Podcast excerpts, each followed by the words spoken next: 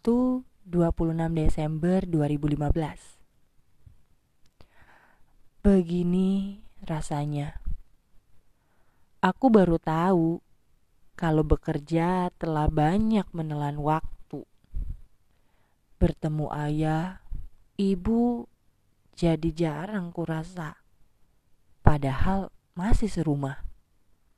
Pulang bekerja, mandi, ah, langsung merebah. Sedikit waktu untuk berbincang paling hanya bertegur sapa. Namanya hidup, ya kudu kerja, Riz. Cari duit buat memenuhi kebutuhan. Katanya, kata temanku. Aduh, lelah aku rasa. Jangan ditanya. Yang sudah bekerja pasti tahu rasanya. Tapi masa iya sih menyerah? Pulang malam sudah biasa. Belum lagi jam makan terlewat. Begitupun jam sholat. Ya, sudah biasa. Salah satu cara untuk menghibur diri ya dengan bersyukur.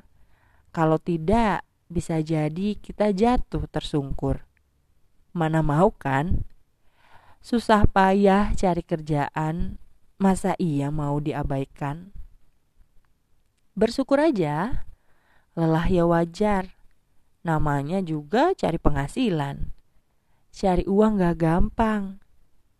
Dulu kalau minta uang gak dituruti langsung marah. Sekarang sadar kan kalau nyari uang memang susah?